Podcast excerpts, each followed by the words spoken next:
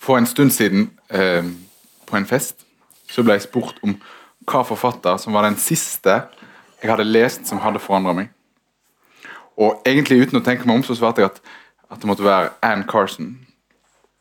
Og hvorfor det, var jo det naturlige oppfølgingsspørsmålet. Og så forklarte jeg at hun hadde vist meg en helt ny måte å skrive på. At hun skrev dikt på en måte som jeg ikke hadde tenkt var mulig før jeg leste henne. Men det svaret var åpenbart ikke godt nok. For hun jeg snakka med, sa det er forskjell på en tekst som forandrer deg, og en tekst som bare forandrer litteratursynet ditt. Og jeg hadde jo selvfølgelig ikke noe godt svar, så jeg sa ikke noe mer om det. Men sånn som det ofte er med disse tingene, så kom en på hva en skulle sagt noen dager etterpå. Og for meg så er ikke litteratur og livet to forskjellige ting. Så lenge jeg har lest, så har jeg brukt bøker til å forstå verden, og jeg har brukt bøker til å føle og tenke meg gjennom den. Så hvordan har Ann Carson forandra måten jeg forstår verden på?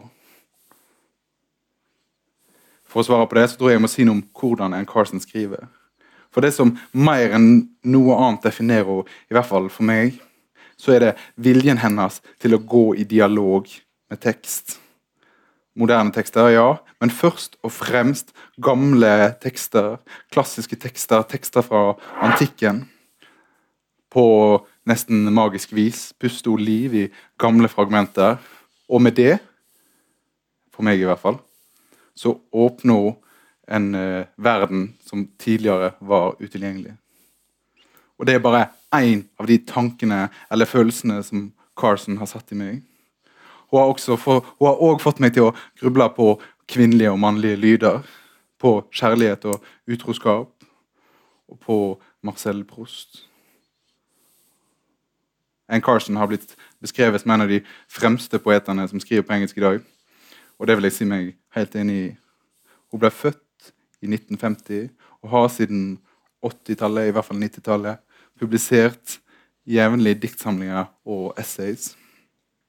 Og med meg til å ha en slags sånn introduksjon i, til hennes forfatterskap, i hvert fall en liten samtale om hennes forfatterskap, så har jeg eh, Tone Hødnemø, som tidligere har oversatt denne boka, som på norsk heter 'Glass, ironi og Gud'. Eh, og som nå holder på å oversette det som eh, blir sett på som Ann Carsons hovedverk, som eh, på engelsk heter eh, 'Autobiography of Red', som på norsk har fått tittelen 'Rød sjølbiografi'. Og jeg har med meg Thomas Espedal. Som ikke, vi trenger ikke bruke så lang tid på å introdusere Thomas Espedal her i Bergen. Men, eh, men, grunnen til at han er her, eh, det er fordi han er en eh, sjølerklært Carson-elsker. Og med det så sier jeg velkommen til Lyrikksalongen.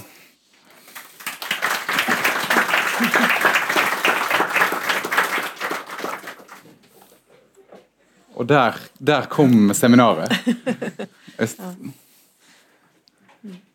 Kommer det flere? Skal vi vente litt? Ok, nei. Eh, før, vi, før, vi, sier noen ting, så, så må vi faktisk eh, høre litt Ann Carson. For det, det, det, er godt for at det er mange her som har lest Ann Carson, både på engelsk og norsk. Men, men det kanskje det er noen som ikke har lest henne i det hele tatt. Og uansett så er det så fint å, å høre henne. Eh, så hvis vi kan få en Carson i din røst, eh, Tone, så hadde det vært fantastisk. Det kan jeg. Um, jeg kan lese et, eh, et, en, del, en, liten del av glassessayet, som er den første teksten i, i boken. Ja.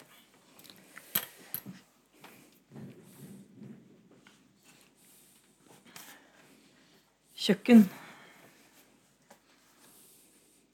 Kjøkkenet er stille som en knokkel når jeg kommer inn. Ingen lyder fra resten av huset.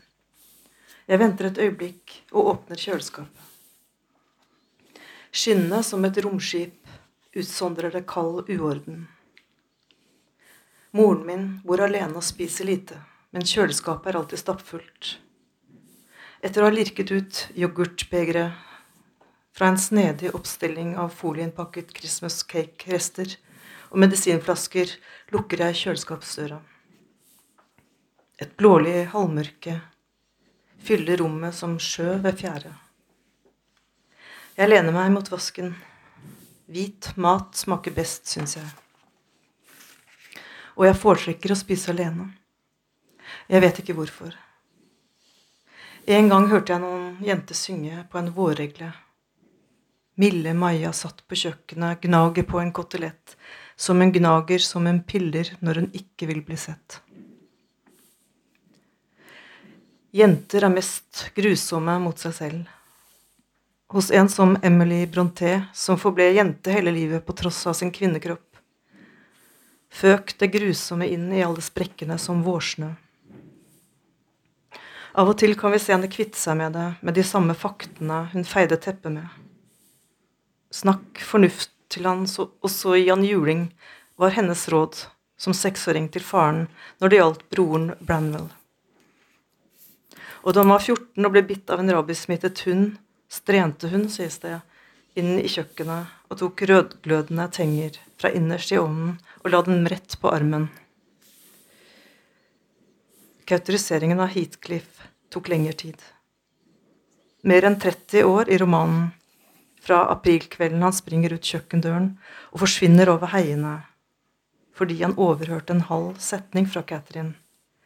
Jeg ville fornedre meg hvis jeg giftet meg med Heathcliff nå. Til den stormfulle morgenen tjeneren finner han steindød og gapende i den regnvåte senga ovenpå i stormfulle høyder. Heathcliff er en smertedjevel. Hvis han hadde blitt i kjøkkenet lenge nok til å høre den andre halvparten av Catherines setning, så han skal aldri få vite hvor høyt jeg elsker han. Ville Heathcliff ha blitt fri? Men Emily visste å fange en djevel hun erstattet sjelen med Catherines konstant kalde oppbrudd fra nervesystemet. Hver gang han trakk pusten eller tenkte en tanke. Hun delte alle øyeblikkene hans i to, med kjøkkendøra stående åpen. Jeg er ikke ukjent med en slik halveringstid, men det ligger noe mer i det. Heathcliffs seksuelle frustrasjon oppsto av ingen tilsvarende erfaring i Emily Brontes liv så vidt vi vet. Spørsmålet hennes angående år med indre grusomhet, som kan fordreie en person til en smertedjevel, kom til henne i et lunt og peisopplyst kjøkken. Kitchen, slik Emily stavet det. Der hun og Charlotte og Anne skrelte poteter sammen og fant på historier med den gamle familiehunden Keeper liggende ved føttene. Det fins et fragment av et dikt hun skrev i 1839, omtrent seks år før 'Stormfulle høyder', der det heter Den jernmannen ble født som meg og var en gang en ivrig gutt. I barndommen må han ha kjent strålene fra en sommerhimmel. Hvem er jernmannen? Mors stemme skjærer gjennom meg fra rommet ved siden av, der hun ligger på sofaen. Er du der, kjære? Ja, mamma. Hvorfor tenner du ikke lyset der inne? Gjennom kjøkkenvinduet ser jeg den stålblanke aprilsola skubbe sine siste kalde, gule strimer over en skitten sølvhimmel. Ok, mamma. Hva er det til middag? Eh,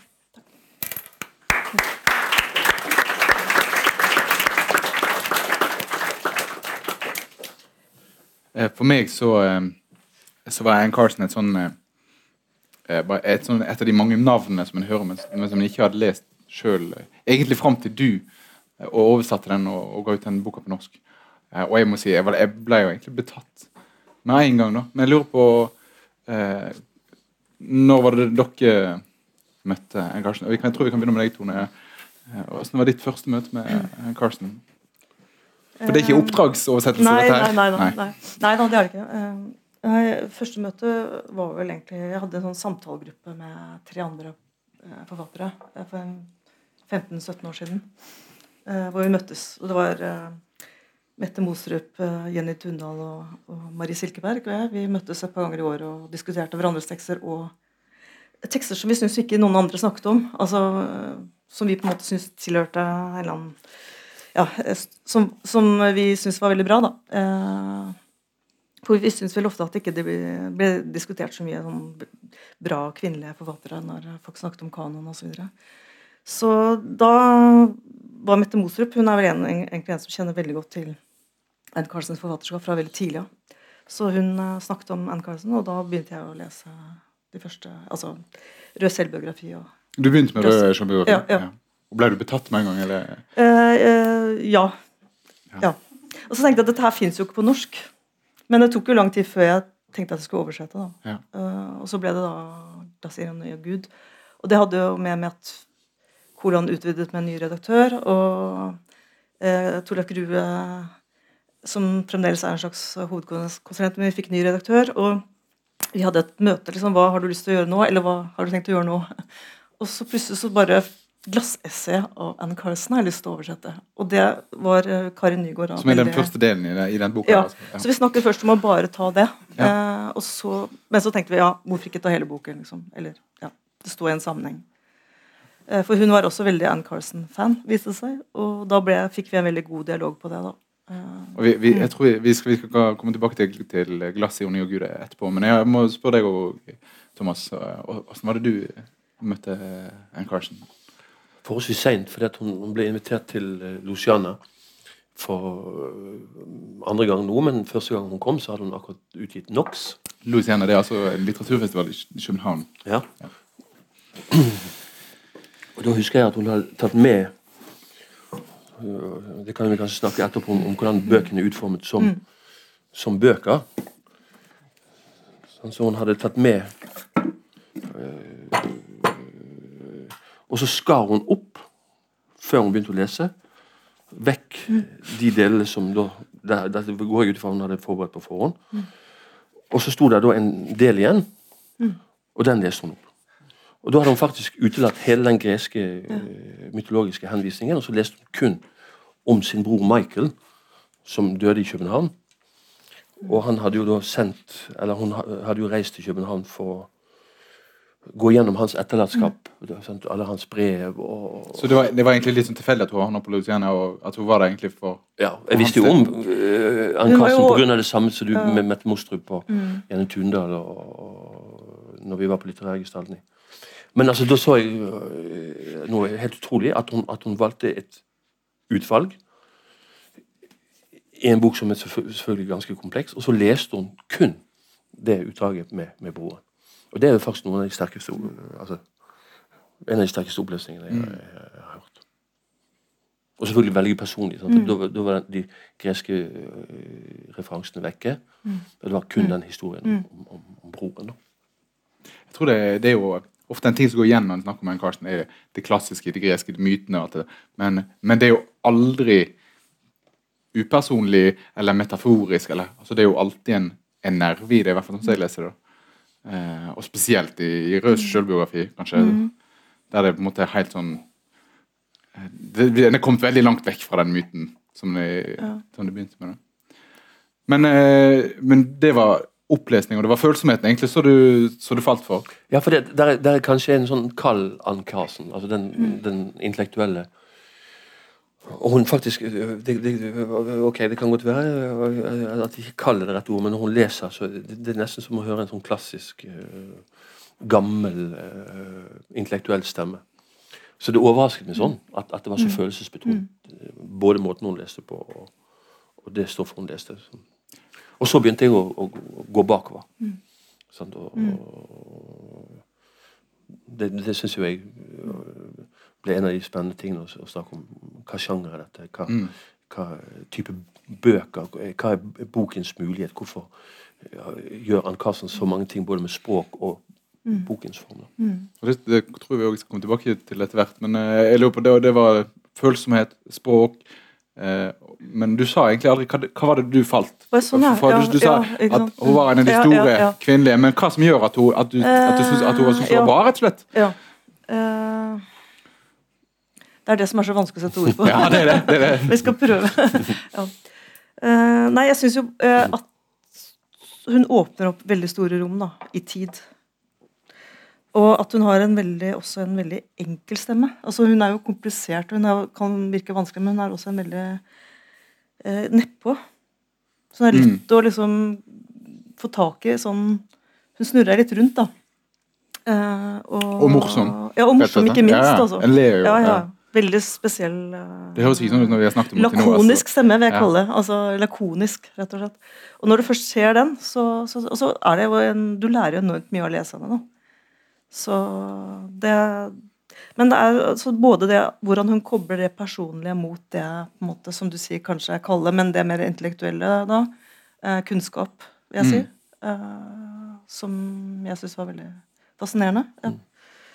Og i Göteborg of Red så er jo ikke det kaldt lenger. Da er ikke det intellektuelt kaldt lenger. Nei. Det, det, Ja. det er faktisk en av de tingene som fast, Men det får vi komme også tilbake til med akkurat den boken. Ja. At, at på en måte når, når, I Mm. NOx så er det liksom atskilt den, den private historien, Mm. og så er det den store mytologiske fortellingen. Mens de Mm. krysser jo hverandre i, i, i, Ja. i rød selvbiografi. Og der, der er ikke det lenger noen kulde. Men du har jo for så vidt forskjellige partier der. Hun starter med et eh, veldig lærd essay, Mm, mm, eller mm, akademisk mm, mm, essay, på en mm. måte, om eh, forfatteren bak Gerion-myten. da. Mm. Men hvis vi skal snakke om den boken senere, så kan vi gå tilbake til det. Ja. Men, men, Så, men jeg synes syns jo det jeg, jeg ville jo ikke sagt hun er kald noe som helst sted. da. Jeg syns det er et rart ord å, å bruke for henne. Sjøl når det er liksom Det er, bi, det er jo biter f.eks. i, i, i Røds sjølbiografi der det som er bare sånne eh, oppramsinger og fragmenter og sånn. Og sjøl det som tilsynelatende er så tørt og arkeologisk, det, det en får det til å skinne på. her. et eller annet vis. Men jeg godtar det fra deg. Og bra. Og det er jo selvfølgelig noe av disse tingene er satt opp mot hverandre. Og så syns jeg òg det, det som eh, Hvis en skal prøve å si liksom hva som er bra med den teksten, så er det òg det at det er så, det er så annerledes andre ting. da. At det, det, eh, det høres kanskje ikke ut som et godt argument for at noe er bra, da. Men det skiller seg virkelig ut fra andre ting som jeg, som jeg leser. Og den viljen til å gå i dialog med, med alt mulig. Eh, ja, først det masse klassiske tekster, men også det er Prost. Det er jo i nesten samtlige av bøkene. hans Mm. Prost. Men, men la oss si for, for eksempel det med mm, øh, Når jeg leser, så vil jeg faktisk påstå at, at i de fleste tilfeller så går det an å forstå hvordan det er skrevet, det jeg leser. Faktisk. Men hos Ann Og det tenker du er en styrke, eller? Nei, men det, det, det, det er sånn, altså, sånn at Det der forstår jeg hvordan du kan klare. Det er greit. Sånn, ikke det at jeg kunne gjort det, men, men jeg kan forstå hvordan det er gjort.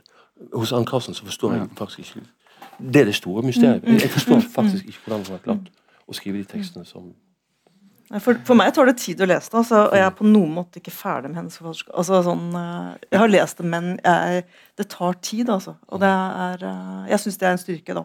eh, Ja.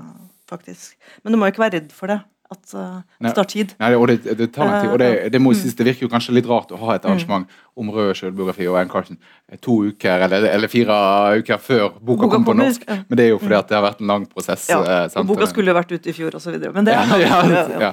Så hvis noen lurer på det, så er det. Men, du, kommer men du sa det begynte med glassessay. Altså det, den første delen i den Fordi- boka. ja. Eh, hva som gjorde at du hadde lyst til å, å jobbe med det? Eller kan du si litt om den teksten Ja. Altså, jeg falt jo veldig for den på engelsk. Jeg vet ikke om jeg faller på den på samme måte på norsk. men, men, men på engelsk så syns jeg den var helt fantastisk. Uh, så, så hvorfor jeg ville da gå løs på den uh, Nei, Altså, det, det- uh, det var jo sånn rent sånn at jeg hadde lyst til å oversette akkurat da. Men jeg, for meg var det en måte å lese henne på, da. Og, og at det å oversette er også en måte å lese på for meg. Eh, Så du, du leser på en helt annen måte. Eh, Når jeg leser på engelsk, så tror jeg at jeg skjønner alt. Men det gjør jeg ikke. Så, så det at du stopper opp og må ta og løse, liksom, eh, løse en del problemer underveis, det gjør at jeg liksom oppdager noen forbindelser i hennes tekster som jeg ikke hadde opplevd ellers. Og det er altså, Så- altså At det dveler, dveler altså. For, for de som ikke har lest det, er altså en tekst om, om kjærlighetssorg. mm, Og så, eh, eh, Hun reiser vel hjem til, eh, hjem til mor si med den kjærlighetssorgen. Og så er det en sånn parallell fortelling om at hun er hjemme og har den kjærlighetssorgen, og hun tenker på, på, på Emily Brontë og- Emily Brontë og, og Stormfulle høyder. mm. Men og så ser jeg at en- enkelte som har skrevet om det, har sagt sånn ja, det, er et, det er et essay bare skrevet i sånn i, som et dikt. Men det syns jeg ikke. da. Det, mm. det er noe virkelig For der, der synes jeg hun er når en, når en snakker om det på den måten som jeg nettopp gjorde, så høres det, det høres litt kjedelig ut. Det høres som et litt kjedelig essay, da. Ja. Men det er virkelig Mm. følsomt og fint og personlig gjort, da. Selv om det hele tida er liksom i dialog med, med Brontë, med Men du får jo et problem med sjangrene. Hva du Ja. skal kalle det. Ja, absolutt, nå, nå så jeg bare den ja. engelske originalutgaven av øh, Rød, Røds selvbiografi. At, at uh, prosalyrikk øh, øh,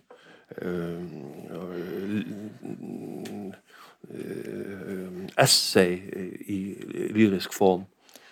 Og så har jeg på- oversetterproblem allerede liksom på tittelsiden, ikke for det står en, eh, en verseroman. Altså, Ja, ja, det sier man jo liksom ikke, på en Ja, måte. ja, ja. Så, så jeg har diskutert det med, med Men det har du kutta ut. sånn? Eh, jeg har ikke helt bestemt meg ennå. Uh, det er siste jeg kanskje kommer til å bestemme meg for. for. Men altså, det er jo liksom Diktroman har jo liksom Men hva er det for noe, liksom? Mm, mm, mm, Altså, det er veldig vanskelig. Eh, men så bruker hun sier også det romanse, ikke sant? Ja, det står det. En romance. Ja, og hun, og det, hun kunne ha sagt liksom at det var en kjærlighetshistorie, altså love story. Så poenget er bare at hun vil bruke de gamle betegnelsene. Og sette liksom no, noe mer samtidig opp mot disse gamle formene. da. Mm. Men, men hvis vi skal rydde litt samtale, nå snakket vi om rød selvbiografien. Hvis vi skal, Ja, ja, hvis vi skal skal holde vi oss til Nei, det går fint. det går fint. Hvis vi skal holde oss til glassironi og. Gud eh, er det, en, er det, en mer, det er jo en mer klassisk diktsamling, eller? Nei, det vil jeg ikke si. Nei. Eh, ikke altså I forhold til hele rød selvbiografi? Eller hva Nei. tenker du? Nei. Jeg står på mitt, altså. Det går fint. Ja, ja, ja, den, den består jo av eh, seks forskjellige, helt, helt totalt forskjellige deler. Uh, ja. Ja. Uh, og, men en annen ting er at uh, Det det var- er en av de virkelige et essay, det må jo sies. da. Altså, en av de er jo helt Ja. vanlig essay. Og så Det første teksten uh, er glassessayet, som da er et essay på vers. Det er tre strofer og ja, tvers igjennom. Og det høres kanskje ikke sånn ut når jeg leser, men det er faktisk det. Mm. Og, og så er det et parti som handler om Gud, sannheten om Gud, som er mer dikt. Ja. Veldig litt sånn vanskelig dikt. Uh, Kronglete dikt. Um, Ikke de beste i boka, egentlig. Nei, kanskje ikke. Nei. Nei. Men, eh, men hun krangler med Gud, da, og det er Ja. interessant. Ja. Hun prøver å ta Gud ned og, ja, og løfte han noe annet opp. Og så er det jo et øh, Nå husker jeg ikke rekkefølgen, ja. eh, men øh, jeg kanskje? ja, det, Kanskje eller? ikke den nummer tre. Eh, Da er det vel Skal jeg se? Det er Sikkert skrevet opp. Det er innholdsfortegnelse, ikke? Nei. Dette er proft. Det ligger ø- Ja, det er, for øvrig ute på det, et pod det er eh. TV-menn, TV-menn, ja. ja. Som også ja, som foreligger en annen versjon i en annen bok. Men som på en måte er eh, en slags eh, hva skal jeg kalle det, parafrase over Iliaden i møte med TV som medium, et eller annet sånt noe. Ja. Og, og om, om Silicon Valley. Silicon Valley og om Hector. Og en eller annen gang så har jeg lest at hun ble spurt om å delta på et, en diskusjon på, på TV om veldig alvorlige emner. Så jeg tror det ligger veldig sånn mediekritikk her. i forhold til, altså Ironien ligger gapet mellom det som kommer til overflaten, og det som ikke blir sagt. da. Uh, så jeg, i hvert fall leser jeg det inn i det. Uh, men det er også litt rar, rar tekst, altså. Det er kanskje den, den morsomste av de, eller? Ja, Ja. ja. morsomt at du sier det. Eller, ja, uh, for den, eh, den er veldig spesiell. eh, og det er en veldig spesiell tone Eller tonen i alle de ulike delene er veldig forskjellig, syns jeg. Det, det, I den boken. da. Det er nesten så det er skrevet av, av, av, Ja. av fem forskjellige Mm. forfattere. Og formen er veldig forskjellig, og sjangeren er forskjellig. Ja. Videre. Og så er det da eh, Romas fall, en reisehåndbok, som du var inne på. Og så er det da Jesajas bok, som er en parafrase over Bibelens Jesajas bok. Og så til slutt et veldig sånn akademisk essay, men veldig morsomt og interessant og lærerikt essay om lydens kjønn. Mm. Og jeg er veldig glad for altså Jeg vil si at Mm, mm, mm, Glasseie og etter hvert Lydens kjønn er Mm. de to tekstene som jeg på en måte er, eh, ble viktigst for meg da når jeg jobbet med boka. Fordi Mm. Jeg syns det var så viktig at det ble sagt. At det står der, det hun sier i Lydens kjønn. Ja, det, det, Så- ja, det er helt enig med deg. Ja. Altså. Og jeg er helt enig med at de de beste tekstene. Kort referat hva hun sier i Ja, hva sier hun, liksom? Jeg kan, jeg kan, jeg kan for så vidt lese Ja, mm, mm, første mm. avsnittet, bare for å Ja, mm, mm. ja. Fordi hun sier det jo best sjøl, på en Mm. måte. Men ja. ja. Det er for det meste folks lyder som avgjør om vi vurderer dem som sinnssyke eller normale, mannlige eller kvinnelige, gode, onde, pålitelige, depressive, gifteferdige, døende, tilbøyelige til å gå til krig mot oss eller ikke. Ikke stort bedre enn dyr, inspirert av Gud. Disse vurderingene skjer raskt og kan være brutale. Aristoteles kan fortelle at kvinnens lyse stemme er et av bevisene på hennes onde natur. For skapninger som er modige eller rettferdige, som løver, stuter, ha ha haner og det mannlige mennesket, har kraftfulle, dype stemmer. Hvis du hører en mann snakke med mild eller lys stemme, vet du at han er en katamitt. Skrulle.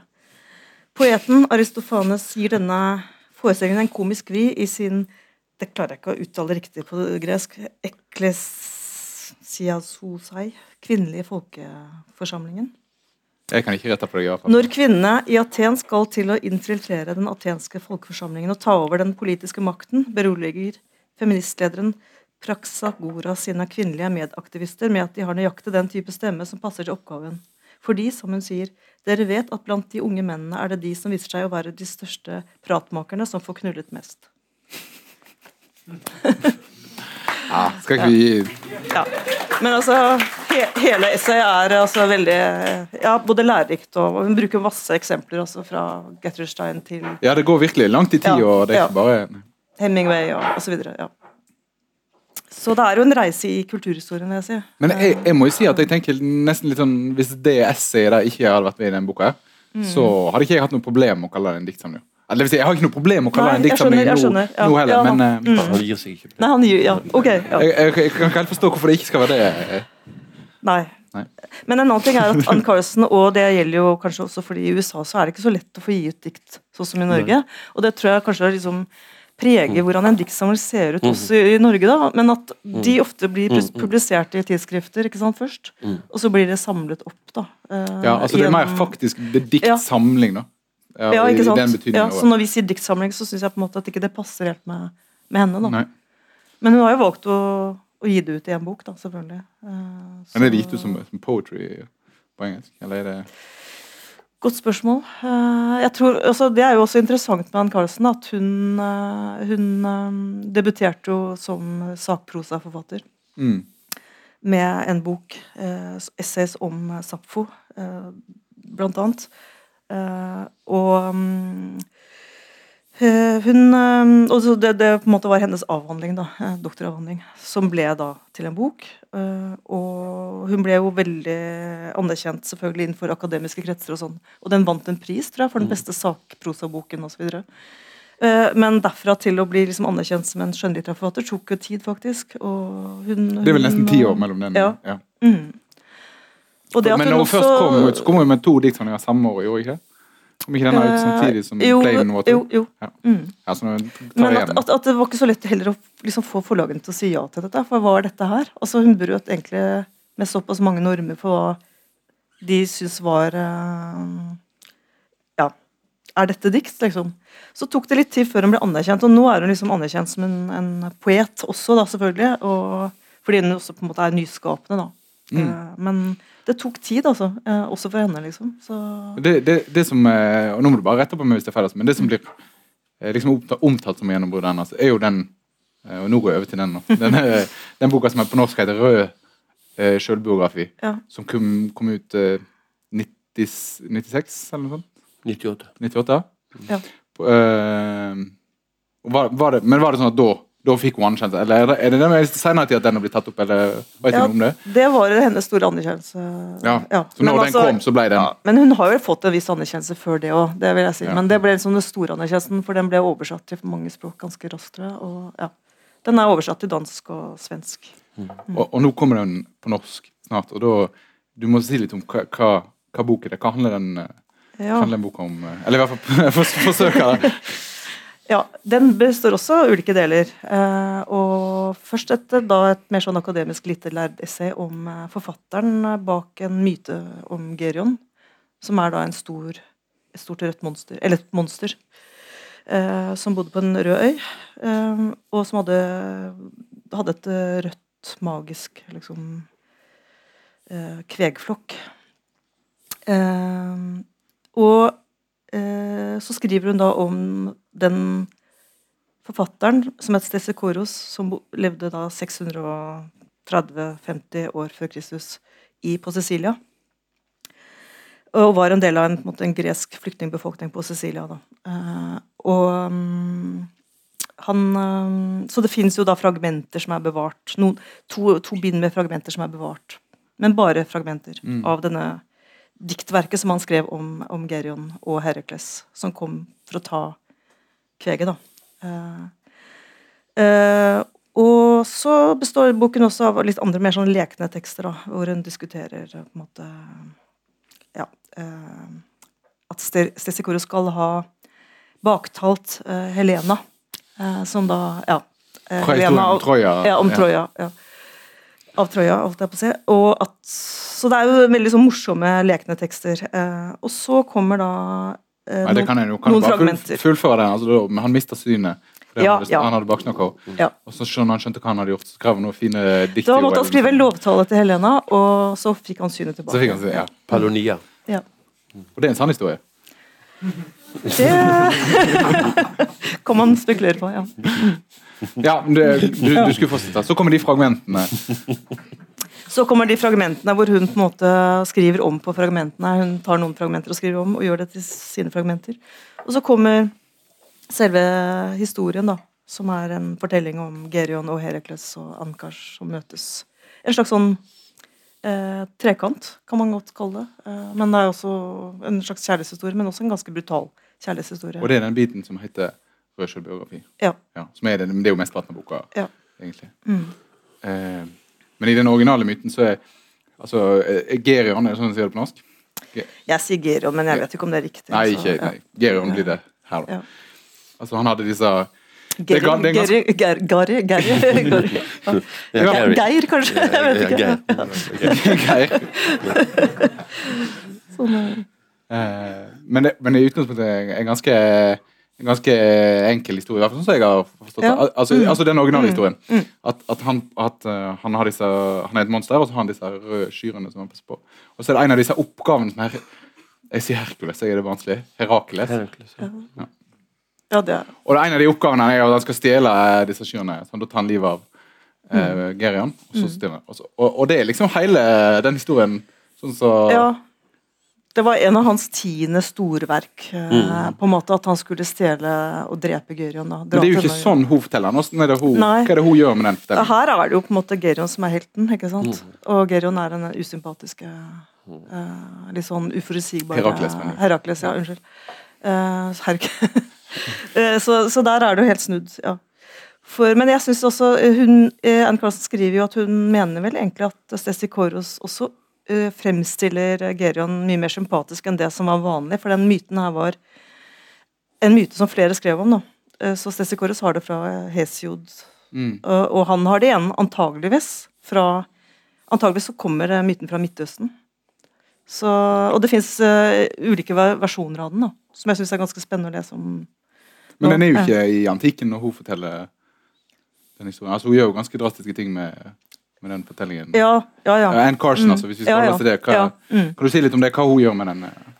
Eh, ja, hun setter det inn i en slags eh, samtid, eller nåtid, da. Som nå selvfølgelig ikke er samtid lenger, for den ble jo skrevet for, for noen år siden. Men, men det handler jo om det handler om en oppvekst, på en måte. Eh, hovedpersonen Gerion, som vokser opp i en familie eh, og på en måte har et spesielt forhold til broren sin, som på en måte er en uforutsigbar person, da. Eh, og utnytter han også seksuelt. Og en mor som han har et tett forhold til, og en far som er helt fjern. Eh, og så handler det om hans oppvåkning, på en måte. Inn å våkne opp til et seksuelt menneske, da. Så det starter liksom i barndommen, og så eh, handler det om da møte to forskjellige møter i tid med eh, Herakles. da. Ja. Eh, og ja. Og det handler om også mange andre ting. Det handler om vulkaner, det handler om uh, myter. vulkaner. Det handler om myter og fakta. fakta. For det jeg tror er Ann Carlsen veldig opptatt av. Forholdet mellom myte og fakta. Disse to tingene går igjen i alle bøkene hennes. Altså, det, det er er egentlig Den fortellingen som ligger her, er jo veldig sånn klassisk sånn bildungsroman eller danningsroman. Mm. Mm. uh, og det at han er et monster, det blir nesten sånn uh, I hvert fall i, i store deler, da, så blir det eh, i- Det er uten betydning, eh, nesten. Bortsett fra at han sjøl liksom hele tida har den bevisstheten av at han sier vel et sted at, alle, alle unge menn føler seg vel som monster, men han faktisk er et monster. Mm. Mm, eh, men, men i stor del av boka så betyr altså han treffer jo nye folk uten at de kommenterer på at han har vinger. og at han eh, De ser det antageligvis ikke. Nei. Det tenker jeg. For han, okay. går, alltid, han går jo rundt med en stor Ja, ok. frakk. Ja, det er sant. han går med Så den eneste ja. som ser det, faktisk, er jo da er jo denne rød. tredje personen. Det vet vi jo ikke. Han føler seg rød, kanskje. ja. Ja, det kan man jo liksom Ja, Jeg synes det, for det, det, er virkelig, det er virkelig langt unna denne originale ja da. myten. Oh, ja, altså, ja. ja, det er en helt vanlig det, fortelling. det er helt som jeg, jeg kan spørre seg hva, Mm. hva, hva, hva er poenget med å koble det opp mot den myten? i det hele tatt? Ja. Mm. Men det er jo helt hennes prosjekt. Altså, det er jo sånn hun jobber. Nå er vi plutselig i New York, eller sånn, vi, vi er plutselig i samtid. Det er en utrolig kul historie på mange måter. Sånn, altså, sånn, Anne Carsten lever sammen med, med, med, med Lou Reed og og med hun- hun- Laurie Anderson. Hun, hun, og, og også en veldig uh, sentral skikkelse i et miljø i USA. Og jeg leste jo det som en sånn, litt sånn kul historie mellom to menn som, som, som utforsker seksualitet. Sånn, så sier Hercules sier kom an, nå eh, reiser vi til Peru. Nå, nå reiser vi til Argentina. Nå, nå, nå finner vi ut av oss sjøl. Nå eksperimenterer vi. Og du, du, den monstertingen er barndommen i en viss forstand. For det identifiserer alle seg med at, at, at ok, du blir mobbet, du blir uglesett, du blir ikke forstått og alt mulig sånt. Det er Geir. Mm. det er også... Det er Geir. Glem denne myten. Altså sånn i, i, i, i nåtidsdrama. Du glemmer Geiron som, som, som seksarmet, seksfotet, bevinget. Han er en utrolig kul fyr eh, som beveger seg først i USA og går gatelangs og eksperimenterer med seksualitet, finner prøver og så begynner han å reise. Så blir det lest filosofi, så blir det diskutert, og så er det et lite essay om fotografi inni der, som er helt fantastisk. Ja, det er veldig fint. Ja. Og det er jo det med filosofi, og det er jo liksom tilfeldigvis så treffer han en som skal holde en foredrag på en konf- Nei. Poesi, filosofikonferanse, og så blir han med, og så snakker de tilfeldigvis om disse klassiske mm. filosofene som, som jeg gjetter på en Carson er ganske opptatt av. Og, Heidegger. ja. Men Dette med fotografi går jo igjen, og fotografering og film mm, mm. går igjen i mange bøker hennes. Og hun er jo, eh, jeg vil si, liksom, Hvis jeg skal karakterisere språket hennes, eh, så er det jo veldig med at hun ser alt via en linse. Okay. Synes jeg. Altså, og hun er veldig opptatt av det å se. Og det fins jo veldig mange ord for det å se på engelsk. da. Eh, watch. Altså, hva skal du bruke? Betrakte, altså stirre altså Det er veldig mange ord for det å se i hennes bøker. Men hun ser også via en linse. Det er akkurat som det er veldig mange veldig små detaljer hele veien. Som gjør det også vanskelig å oversette da, for å få det til å bli bra på norsk. Uh, uh, men det er akkurat som alt går via en linse. Altså. Hun er ekstremt nærsynt på en måte når hun skriver. Oi. Så det syns jeg er interessant, fordi det går igjen i glasset, men jeg tenker at det også går igjen i, i måten hun Gerion beveger seg rundt i eh, verden på, da. Mhm. Ja, det, det er helt sant. altså Glassesset, og for så vidt eh, eh, Om ikke hele, så i hvert fall store deler av Glassironi og Gud' er jo skrevet i jeg-form og handler om en person som, som ligger tett på, på, på, på forfatteren sjøl. Eh, eh, mens Rød sjølbiografi handler om et, monster. En skulle tro liksom at det var at, at det, de tekstene i 'Glass ironi og Gud' var var på en måte føltes nærmere og ektere enn de i Rød sjølbiografi, Men sånn er, sånn er det jo ikke i det hele tatt. da, opplever jeg. Altså, det er kanskje tvert imot mer distanse i glass eh, enn det er i Ja. Rød selv om den på en måte har sagt at det er noen andre sin sjølbiografi, og det er, noe, det er et monster, og det er, det er ikke måte på, liksom. Så, Men nå leser jeg for så vidt liksom jeg i hvert fall fikk den tanken ganske tidlig. da, at, uh, Fordi når man leser om uh, rød selvbiografi eller autobiography of Red, så handler det om liksom et homoerotisk forhold osv. Uh, for meg så handler det om uh, altså, Geren kan like godt være en kvinne, altså, for meg, faktisk. For det handler om noe veldig sånn kjønnsproblematisk. Det ubehaget med å bli klassifisert, tenker jeg. mm. Eh, som jeg syns også hun har i flere andre tekster. Da. Og som jeg på en måte gjør at jeg ikke er så sikker på om Gerion bare er eh, en mann, faktisk. Ja, det er et veldig godt poeng. Eh, det er, ja, det er e- et parti i boka som heter Hun, da, hvor, hvor, hvor han beveger seg inn i et soverom midt på natta. Og, og liksom eh, blir for liksom, det, Ja. Eh, Og der er det et eller annet som skjer som uh, Så jeg, jeg, jeg syns i hvert fall det er en interessant tanke, da. Mm. Og så vet jeg, liksom, jeg har lest en del om det, myten om Gerion og sånn, så det er visst en versjon da av Én versjon av den myten hvor Gerion er en kvinne, faktisk. Okay. Men kanskje jeg husker feil nå, så ta det, altså jeg må undersøke det litt nærmere. Men det er i hvert fall veldig mange varianter av den myten, da. Ja. Eh, noen ganger så er det, har han eh, vinger, noen ganger så har han tre hoder. Altså, fordi det er kulturelt overlevert ikke sant, og fortalt av mange. Så det, det, det er For meg handler dette her også om Myten om Gerhard handler jo om liksom, kulturen som vinner over naturen. da, Eller det uskyldige eller ville. Kampen mellom kultur og natur. og Og det tror jeg liksom er Den ble for lest sånn, da, den myten. Herakles representerer kulturen som kommer og skal ta over vil, det ville. Mm. Og for de som befant seg som en eh, flyktninger, da, greske flyktninger i noe som var egentlig på kanten av sivilisasjonen for dem, for de greske. Mhm. At dette er en sånn myte som også er veldig aktuell. da, på en måte. Mm. Så, og også hvordan myte kommer fra et annet sted. Altså, vi, vi, Det kommer antageligvis fra Midtøsten. Og kanskje det, ja, ja, hvor, hvor, hvor begynner en myte? Mm. Uh, og en myte forandrer seg. Og Derfor så syns jeg hun har, er i sin fulle rett til også å gjøre hva hun vil med den myten. Eh, I en, en samtid, på en måte. Da. er det. Mm. Så Det er veldig, veldig morsomt med å jobbe med Ann Carlsen, at du, du lærer noe, på en måte. Og, du, ja. Vulkanene. og vulkanene, ikke minst. ja. Ja, Dette er jo han Herakles som, som er så opptatt av å ta bilder av vulkaner og snakke om steinsortene. Det er veldig fint, altså. Mhm. Og det må jeg bare si at eh, nå når vi har snakket om denne bo boka her, så høres det ut som det høres ut som en roman. Vi har snakket om det. Og jeg kan godt snakke om det er en roman, eller om det men, men det er i hvert fall poeng at det, det er ikke, dette er ikke et bok med mange avsnitt og lange utskrevne setninger. og eh, det, det er korte, eh, konsise stykker gjennom hele boka.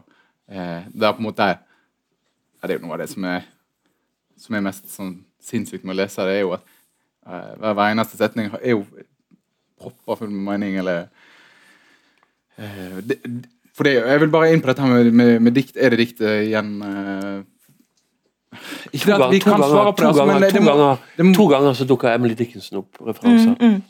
Ja. Og i, og med at du har oversatt mm. Dickinson og, og, Når hun på en måte appellerer til Dickinson, så er jo det lyrikken hun appellerer til. Ja. Men Dickinson var jo også veldig opptatt av vulkaner, og det er også Anne Ja. Carlsen. Ja. Hun er ekstremt opptatt av vulkaner. Hun er bare, Det forfølger liksom ja. er det Eh, ene sitatet fra Dickinson om vulkaner? eh, Det er, dikt, det er et dikt, og så er det et fragment som Mm. refererer til. Så, ja, så det begge handler om vulkaner. Så, altså, Anne Carlsen har jo sagt et eller annet sted eh, en eller annen gang eh, at hvordan hun jobber liksom. eh, Hun, hun, tar hun er veldig opptatt av å lage mønstre ut fra det hun allerede Hun har liksom samlet på mye. Så lager hun liksom setter, Det er hvordan hun setter det sammen, som da blir det viktige for henne. Da. Hun, hun syns ikke selv hun klar, tenker så nytt. Alle tanker er tenkt, men hun, hun lager nye mønstre. på en måte. Setter dem sammen på en ny måte. Da. Det kan man kanskje kalle hennes metode. da. Um, Uh, det syns jeg var beskjeden. ja, det var Eh, beskjeden. Men, uh, ja. men hun er jo beskjeden. Det ligger jo under, på en måte. Hun er jo Ja. beskjeden i forhold til um, jeg Men si. ikke i forhold til størrelsen på prosjektene hennes, da. Det Nei, tør jeg ikke påstå. Altså, det, det er jo en så rar ting å gjøre, på en måte. Å ta en sånn lite utsnitt av en myte, og så, og så sier han dette skal jeg Mm. snu på hodet, og så skal jeg gjøre det til en, til en danningsfortelling, og så skal det, skal det være en roman på vers.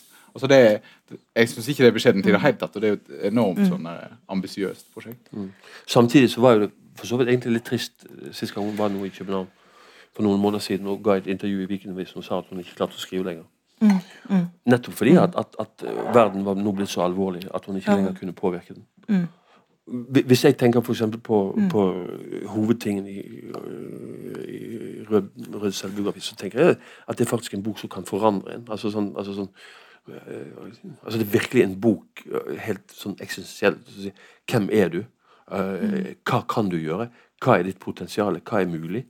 Sånn, øh, ser leser jeg det. mm, mm. Og, og, og, og, de essayene for om, om vulkanen og alt mulig, får jo på en måte en sånn økologisk side som Mm. etter hvert dukker opp hos henne. Altså, hva, hva er det som skjer når, når, når, når katastrofen på en eller annen måte nærmer seg? Og, og, og, og, det var på en måte Når en sier beskjeden, så var det så- sånn men, men det var faktisk litt sånn trist å lese det at, at, at, at hun følte Ja. at, hun kunne ikke Mm. gjøre noen ting lenger. Mm. Det det, er det, er mange, det er mange som har sagt, og så gjorde Mm. det allikevel. Eh, Jeg skal ikke nevne navn, men, eh, men jeg så faktisk, jeg sjekket i går i lag, at, at, eh, at hun i hvert fall kommer ut med en, har kommet ut med en, oversettelse av Bakantin. Så det er det siste på en måte som foreligger nå, da, og det Mm. tror jeg er nå nylig. da. Men eh, det er en oversettelse. og, jeg, kom egentlig ganske hyppig med, ja. med Hun har egentlig vært veldig Jeg syns ikke det er så rart hvis hun føler nå at For hun har vært enormt produktiv. Altså. Det, Mm. det har vært massive verk, Mm. vil jeg si, Mm. som har kommet på løpende bånd. eh, Så Mm. Det ville jo nesten vært rart om hun liksom ikke gikk tom. Men før, før vi gir helt slipp Mm. på, eh, på, på rød, rød selvbiografi, så må jeg bare stille et spørsmål som, som sikkert er litt irriterende når du sitter i korrektur. Mm. Og det er jo På engelsk så heter den 'Autobiography of Red'. Og så har han fått eh, norsk tittel 'Rød selvbiografi'. Mm. Som ikke er det samme. altså Det kunne Nei. vært Mm. Røs sjølbiografi, Mm. men du har tatt vekk den nesten. Jeg bare er litt nysgjerrig. Ja. Det er ikke sikkert det er et spennende svar, altså, men Nei. eh, Nei, jeg vet ikke om jeg har et spennende svar, men det handler vel egentlig om hva som funker å si på norsk. Veldig mye. Ja. Og at det kanskje ikke dekker det samme. Så sånne valg må man ta, rett og slett. Så Men jeg kan, kan i hvert fall si noe om Fordi du, du er opptatt av dette. Er, det dikt, er det roman, er det Hvor går grensen? Og i forbindelse med Rød selvbiografi så har hun sagt det der med ja, En ting er at hun ser etter mønsteret. Hun er også veldig opptatt av den, hva, hvilken tanke kom først. Og at hun liksom ofte er tro mot den når hun skriver. da. Så den på en måte, hva hun tenker først, kommer tilbake. altså og så handler det også om å ikke bruke for mange ord, sier hun. Eh, så When I get too many words, I don't feel that I'm saying anything. I'm just saying the words, not the thing. So I have to keep cutting it down, and it gets turned into verse. It was hopeless. Så hun ville gjerne skrive en helt vanlig roman, Mm. og det var rød selvbiografi, og så ble det det her. Så hun klarer ikke å la være. Uh, og jeg opplever vel at det er liksom det poetiske som ligger i, eh, og skinner gjennom i hele forfatterskapet hennes. Hva nå enn det er. Altså, det poetiske er ganske vanskelig å snakke om, men, men det handler om eh, Det er det det handler om for meg hos henne. Derfor så er hun også poet. Da. Eh, selv om hun bryter liksom den, det vi forbinder med liksom et vanlig, tradisjonelt dikt. da. Men det er jo egentlig så åpenbart Mm. eh, at, at, at, at det er et stor, stort poetisk mesterstykke å skrive akkurat den boken. Mm. Det, det er bare å sitte seg ned på setningsnivå og så si uh, Ville du klart å skrive en sånn setning? Nei. Og eh, ikke jeg heller. Vi, vi, vi forlater det der. Men det er, sånn, det er så urovekkende fra ledd til ledd Mm. at det, all normal tenkning opphører på en måte. For, for at hun, hun skaper det, det, det er faktisk en av de få gangene jeg virkelig har undret på hvordan, bortsett fra Shakespeare, at, at, sånn, hvordan i all verden har, har du fått tilgang til de bildene. Når du sier det med linje, linse, så det forstår jeg, men på en måte så blir jo det en sånn også fotografisk eh, nøyaktighet. Sånn. Men, men her er, er vinen svart. Den svarte vinen kommer opp med kaffekopp. Kaffekoppen smaker olje. Altså, Det er så mange ledd av ting som, som er urovekkende, men som er forståelig. Uten at det overhodet er mulig å forstå det innenfor en vanlig logikk. Og Det er jo på en måte også et filosofisk prosjekt, sånn, som, som poesien har. At, at nå skaper du et språk som får deg til å virkelig måtte forholde deg til verden på en helt annen måte. Og det er den mulighetsverden. At, at du kan faktisk bli Geiron. Vi, vi, vi kan faktisk bli noe helt annet. Ja. Når vi har eksperimentert med alt det vanlige. Så det kan vi. Der har hun lært av de gamle grekerne. Hun har jo Mm. sagt noe om det. Den er veldig fortettet, tettheten som fins i de gamle greske diktene. Da. Mm. Eh, Så det, det med sjanger er ikke så, så viktig for meg på en måte. Det var, det var sant, når, når den boken bare får fortsette litt med det med, med hva en bok også er. Sant? For det at, at øh, Du fortalte i dag at øh, du hadde ringt til Bjørn, eller hvordan du gjorde det, og så sa at, at vi skal oversette Float, men vi skal ikke gjøre det alene. Du skal gjøre det sammen med noen. Mm. Hvorfor det? Uh, Hvorfor vi skal gjøre det sammen? Ja. nei, nei, altså, Ann Carlsen var i Oslo Du må vise dem. Ja. Den heter, Ja. Dette er en samling som heter Float. Altså. Det står for, for, for eksempel i, Autobiography Red Open it and shake it. Hva Ja. betyr det? At du kunne egentlig revet hvert blad ut. Ja. Ristet det, Mm. lest det. Og, og det, det viderefører jo en, i dette her. Hun er jo veldig opptatt av tilfeldige prinsipper, faktisk. mm, Malami. Mm, ja.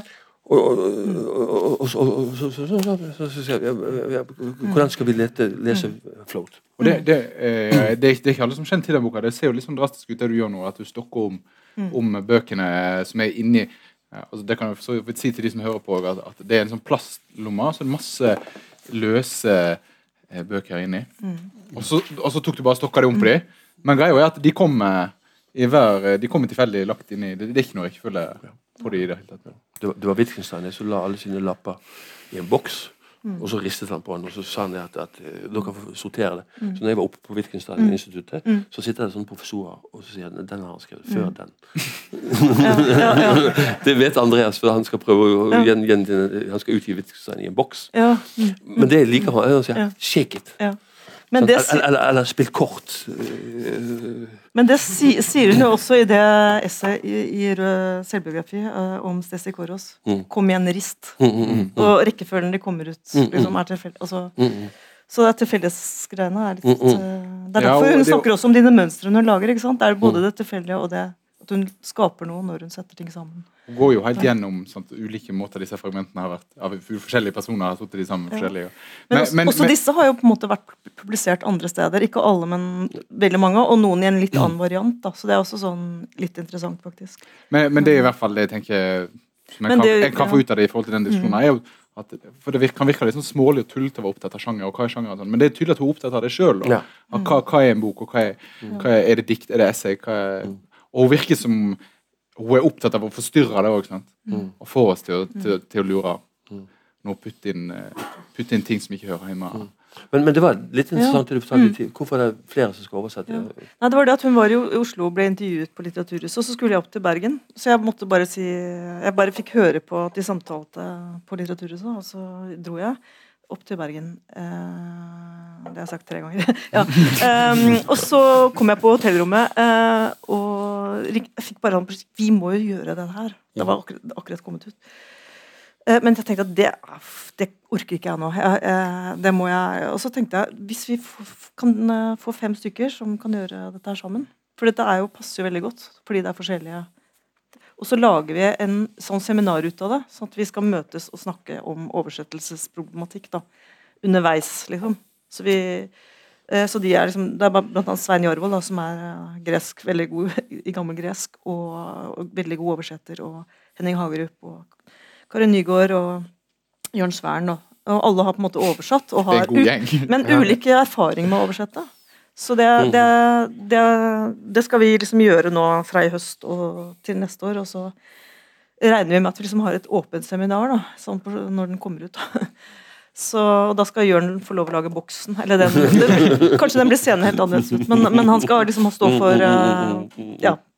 Så, så det her eh, er et lite og, og vi måtte selvfølgelig spørre dem om, om det, vi fikk lov til å gjøre det på den måten. Da, altså hennes forlag. For hun er jo veldig Du må liksom gå via forlag, og de er jo veldig strenge. Og, så det, det sa de ja til, da. Så Mm. det skal bli spennende. Mm.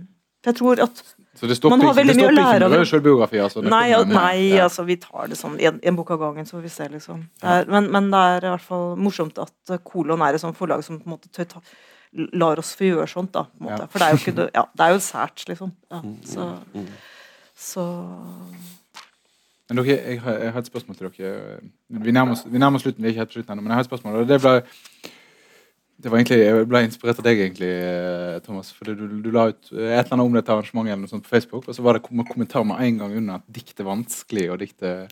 Så, eh, og og det, det er en stor diskusjon, det, da, kanskje, men jeg lurer på For det er kanskje litt sånn rykte som kanskje Ann Carson har på seg. da. Så et spørsmål er egentlig er Ann Carson vanskelig. Det er ikke ja-nei, altså. Men, hva tenker dere om det? Eller og kanskje gjør det noe? Det, det, det, det er faktisk ikke vanskelig å lese i det hele tatt. Men det er nesten umulig å skrive. ja. Men det skal vi jo ikke. Jo, men, men for en forfatter er det ganske uh, uh, spooky. Uh, ja, men jeg syns det. Altså, det er ikke så mange ganger du møter forfatterskap på det nivået. Sant? For du, du kan si ja, ja, men nå gjør han og hun det, og du forstår det, og du, du kunne i en viss forstand Ja. Men, men, men, men, men det er veldig vanskelig å, å, for meg å forstå hvordan, hvordan de bøkene er skrevet. mm. Men jeg syns ikke det er vanskelig å lese. Nei. Uh, Jeg syns all bra litteratur er vanskelig å lese. Eh, Mm. Sånn på generelt Mm. nivå, da. Fordi da stopper jeg opp. Eh, men eh, Så jeg må bruke tid på henne. Eh, jeg klarer ikke å sluke det, liksom. Eh, og lese om igjen og om igjen. Og jeg leser på en litt annen måte kanskje enn jeg ville lest en annen roman. da. Eh, det er kanskje styrken ved, ved poesi. At du leser på en annen måte. Eh, men jeg ville si at hun er Både vanskelig og enkel, liksom. eh, Hvis det går an å være begge deler. Eh, Det er alltid, altså Hun har jo vært anklaget og fått kritikk for å være obskur og, og liksom for akademisk og sånn. Eh, Men eh, eh, det spørs jo liksom hvor mye arbeid du vil legge i selve lesingen. Vi får jo ta den testen, Ja. de som skal lese det. da. Og jeg, jeg mener jo på en måte at hun, hun er jo ikke absurd altså, Ann det er jo, Carlsen-testen. Ja, Ann Carlsen-testen. Ja, det er sant. Mm. Jeg, jeg, Hvis du klarer å, å, å, å lese Ann Carlsen, så, så kan du lese poesi. Mm. Det, det er litt trist, alt det der, greiene egentlig. sånn, For det er sånn, hvorfor skal det være så jævlig vanskelig å lese poesi? Mm. Altså, Hvem som har introdusert Ja. den uh, kjensgjerningen? Sånn? sånn, Ok, så får du arbeide med det, da. Mm. Sånn, så man en arbeide med sin lesning. Men det som på en måte, jeg synes hun gjør som er veldig interessant, at hun klarer alltid å koble det opp til personen din. Mm. Og det synes jeg, der er hun helt suveren. Altså. Det er, Hvor du kommer liksom inn i det på en veldig sånn nedpå måte. Mm. Og der, den tråden er der liksom Ikke i alle tekster, men i veldig mange tekster. i, i, de, I de beste så er han i hvert fall det. tenker jeg da. Mm. Det er det som gjør de som er, Ja. de som er virkelig bra på. Mm. Eh, jeg tenkte hun var Før jeg hadde lest henne, så trodde jeg at hun var mm, altså, altså Når du bare hører, hører om henne, sånn som kanskje en del av som ikke har lest henne i dag, så syns jeg det virker utrolig vanskelig. Eh, og, altså, jeg, altså, jeg blir jo redd av bare et Ja. ord sånn som essay plutselig i dikt. og, og dette med alle disse referansene. Så. Eh, En må jo ikke For det første så er, så er det veldig artig å, å, å lese og slå opp og sånn, hvis, hvis det er noe kommer over noen jeg ikke kan. Men en trenger det heller ikke. altså. Eh, til enhver tid å, å vite alt som hun refererer til. Det er ikke sånn type Tvert imot så kan du få lyst til å lese. Altså, Ja. Og hun er jo en, en forfatter som er en leser. Det er jo sånn hun jobber som forfatter. At hun også er en leser. Selvfølgelig er jo alle forfattere det, men hun er det veldig uttalt. da. Og jeg, jeg tenker at ja, det at hun kan få deg til å lese ting eh, på et litt, med et litt annet perspektiv. Altså, du kan godt lese en av de gamle tragediene som er oversatt for kjempelenge siden, og tenke ok, angår dette meg? Men kanskje du får lyst til å lese det i hennes oversettelse. Jeg eh, har på noe jeg må, jeg må spørre deg, og det tar jeg ikke helt rettferdig, Thomas, for dette er noe du sa Det var sikkert litt utpå kvelden en gang. Så sa du at du hadde lyst til å oversette den boka som heter The Albertine Workout. Mm. Eh, og, og lurer på, for det første lurer på om du står inne for det. Hold på å Eh, den. eh, Gjør du det? Ja. Ja, så bra. Og Så må, må, få tillatelse av deg først. og, og, Ikke av meg. det Ikke, ikke av spørre. Nei, nei. Nei, Først, Nei, så må du nødt til å fortelle hvorfor, og hva, og hva type bok det er, og hvorfor du har lyst til å oversette den. Den er, Det, er det, det, det er jo min prostinteresse. Altså, øh, det er et prostarbeid som jeg har hatt pågående. Mm, Så jeg syns prostboken hennes er en av de mest interessante bøkene om, om prost. Så, så det er bare derfor. altså. Ja, du har snakket om, om det også på Jylland, har du ikke det? Da var ikke Nei, ja, nei ikke Gyldendal. Vi har aldri gått til Gyldendal. men Nei, noe som helst. proseminar. Ja, jeg har snakket ja, med, med, men jeg har spurt Katrine Strøm i, i, Ja, ja. Mm. om, om, om, om det var en interesse for Mm, det. mm, mm. Jeg vet ikke hvordan du har det i forhold til det. Jeg husker med, med Sverre Dahl når han holdt på med Thomas Berner. Som ble helt rasende når andre begynte å oversette ja, Thomas ja. Nei, men altså, hennes forfatterskap er jo så stort. Mhm. Og jeg mener, ingen kan oversette alt av henne, liksom. Så det er jo, og det er jo derfor jeg også setter i gang det her. Ja. Ikke sant? Ja. Det er jo liksom eh, Ja. Det er veldig fint å ha det på tape, da, at den kommer.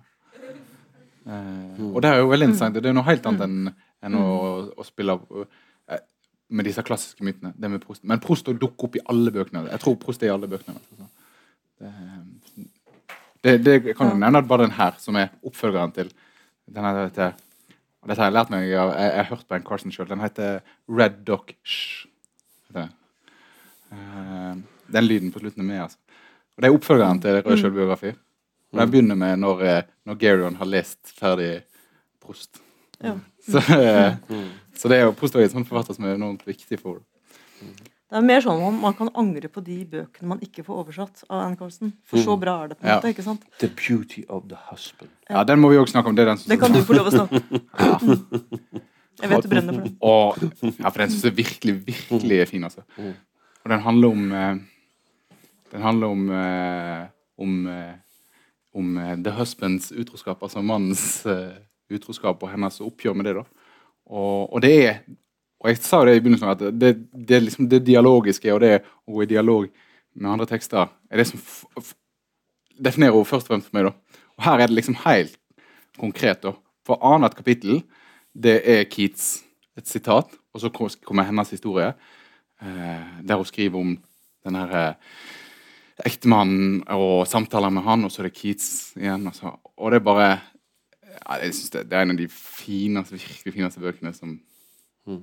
Som, jeg, som virkelig ja, som jeg har lest. Altså, altså, hvis jeg skal oversette den, så hadde jeg valgt, jeg hadde valgt den. ja, ja. Den hadde jeg oversatt. Ja, ja, ja, ja. Men da tar Fredrik den. Ikke sant? Ja, ja, ja, ja, ja, Men først må vi sånn, Ja. få uh, Men eh, eh, også, også nå, Vi skal runde av nå, og, men jeg, jeg vil at eh, Jeg vil ta all reklamen først, før du leser, sånn at det siste vi hører, er du som leser. Og, eh, og reklamen det er bare det at vi, vi Lyrikksalongen det er et selvstendig arrangement her på eh, Litteraturhuset, som er støtta av Bergen kommune, Litteraturhuset Bergen og Fritt Ord. Tror jeg.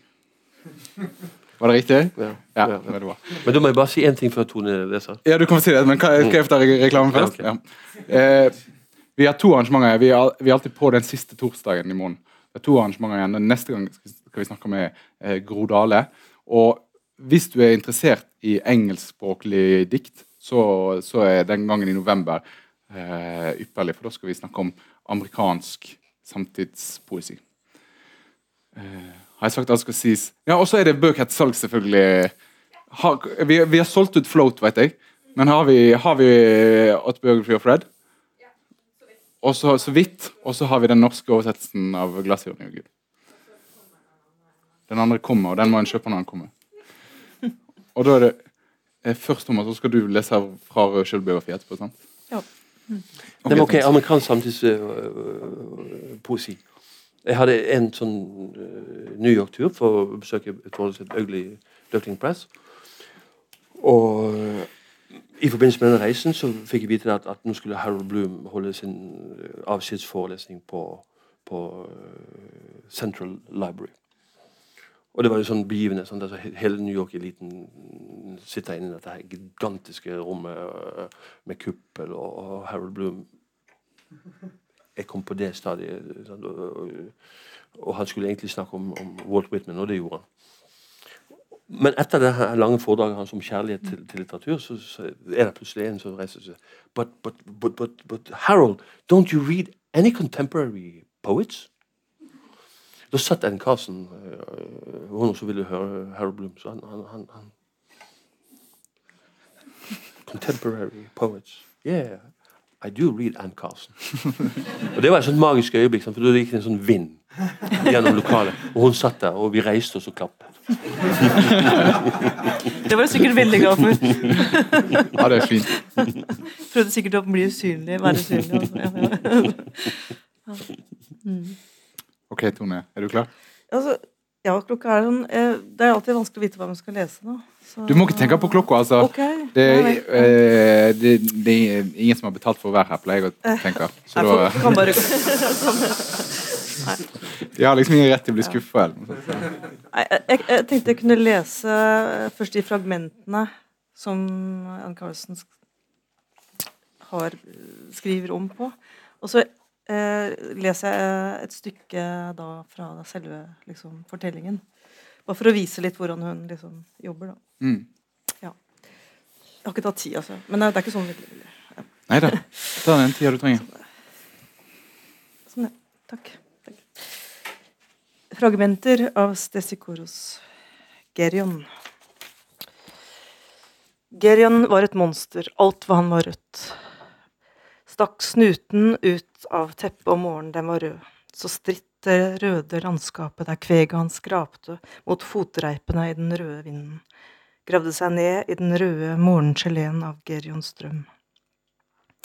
Gerion strøm var rød før den gled ut av fargekjelen og rant, rigget seil, brøt det sølvblanke, skjøt opp gjennom røttene hans som en valp. Hemmelig valp, i forkant av enda en rød dag. Ja, jeg glemte å si én. To. Imens kom han. Over salthaugene. Det var han. Visste om hjemmegullet hadde rød røyk i sikte over de røde spirene. Tre. Hvis du tviholder på masken ved middagsbordet, vel god natt, da, sa de og jaget han opp. De blødende trappene til de hete, tørre armene, til den tikkende røde taxien i marerittet. Vil ikke gå, vil være nede og lese. Fire. Gerions død begynner. Gerion gikk tankens røde strekning og svarte nei, det var mord, og opprørt av å se kveget ligge. Alle disse elsklingene, sa Gerion, og nå meg. Fem. Gerions reversible skjebne. Moren hans så det, slik er mødre. Stol på meg, sa hun, ingeniør til hans myke side. Du må ikke bestemme deg med en gang. Bak det røde høyre kinnet hennes kunne Gerion se spolen på kokeplaten begynne å gløde. Eh, seks. Imens i himmelen. Athene kikket ned gjennom gulvet i den glassbundede båten. Athene pekte. Sevs så ham. Sju. Gerions helg. Senere, langt senere forlot de baren, dro tilbake til kentaurens sted. Kentauren hadde et beger lagd av et kranie. Rommet tre enheter vin, holdt det og drakk. Kom hit, du kan ta med deg drinken hvis ikke du tør å komme alene. Kentauren klappet ved siden av seg i sofaen. Rødgult, lite, lev levende dyr. Ingen bie krøp oppover ryggraden til Gerion på innsiden.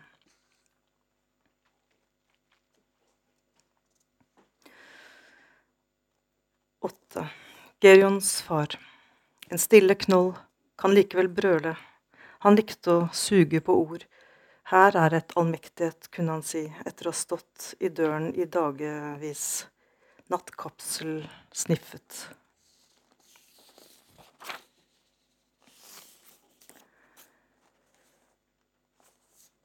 9. Gerions krigsprotokoll. Gerion lå på bakken og holdt for ørene. Lyden av hestene, like roser, brent levende. 10. Skolegang. På den tiden var politiet svakt, familien sterk. Hånd i hånd den første dagen tok Gerions mor han med til skolen. Hun ordnet de, røde, de små røde vingene hans og skubbet han inn gjennom døren. 11. Rett. Er det mange små gutter som tror de er et monster? Men i mitt tilfelle har jeg rett, sa Gerion til hunden. De satt på klippene, hunden så på ham, gledefylt.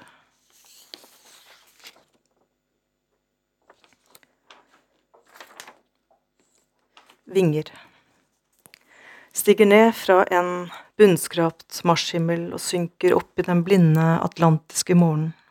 En eneste liten rød hund bykser over stranden, flere kilometer under, som en befridd skygge.